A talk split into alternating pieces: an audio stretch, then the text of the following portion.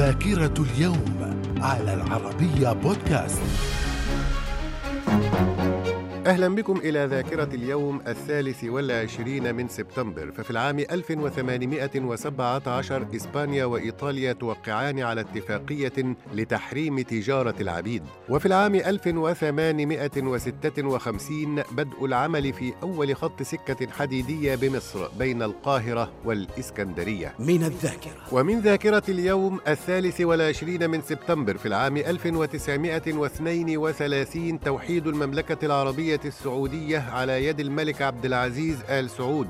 في العام 1948 تشكيل حكومة عموم فلسطين برئاسة أحمد حلمي عبد الباقي. في العام 1973 الرئيس الأرجنتيني السابق خوان بيرو يعود إلى الأرجنتين بعد 18 عاما في المنفى. من الذاكرة. ومن ذاكرة اليوم الثالث والعشرين من سبتمبر في العام 1992 الجمعية العامة للأمم المتحدة تطرد الاتحاد اليوغوسلافي الجديد من عضويتها. وفي العام 2011 رئيس السلطة الوطنية الفلسطينية محمود عباس يتقدم بطلب عضوية كاملة لدولة فلسطين في الأمم المتحدة. وفي العام 2014 تحالف دولي بقيادة الولايات المتحدة يبدأ عمليات عسكرية ضد تنظيم الدولة الإسلامية في العراق والشام. من الذاكرة. ومن مواليد الثالث والعشرين من سبتمبر في العام 480 قبل الميلاد يوربيديس شاعر مسرحي إغريقي.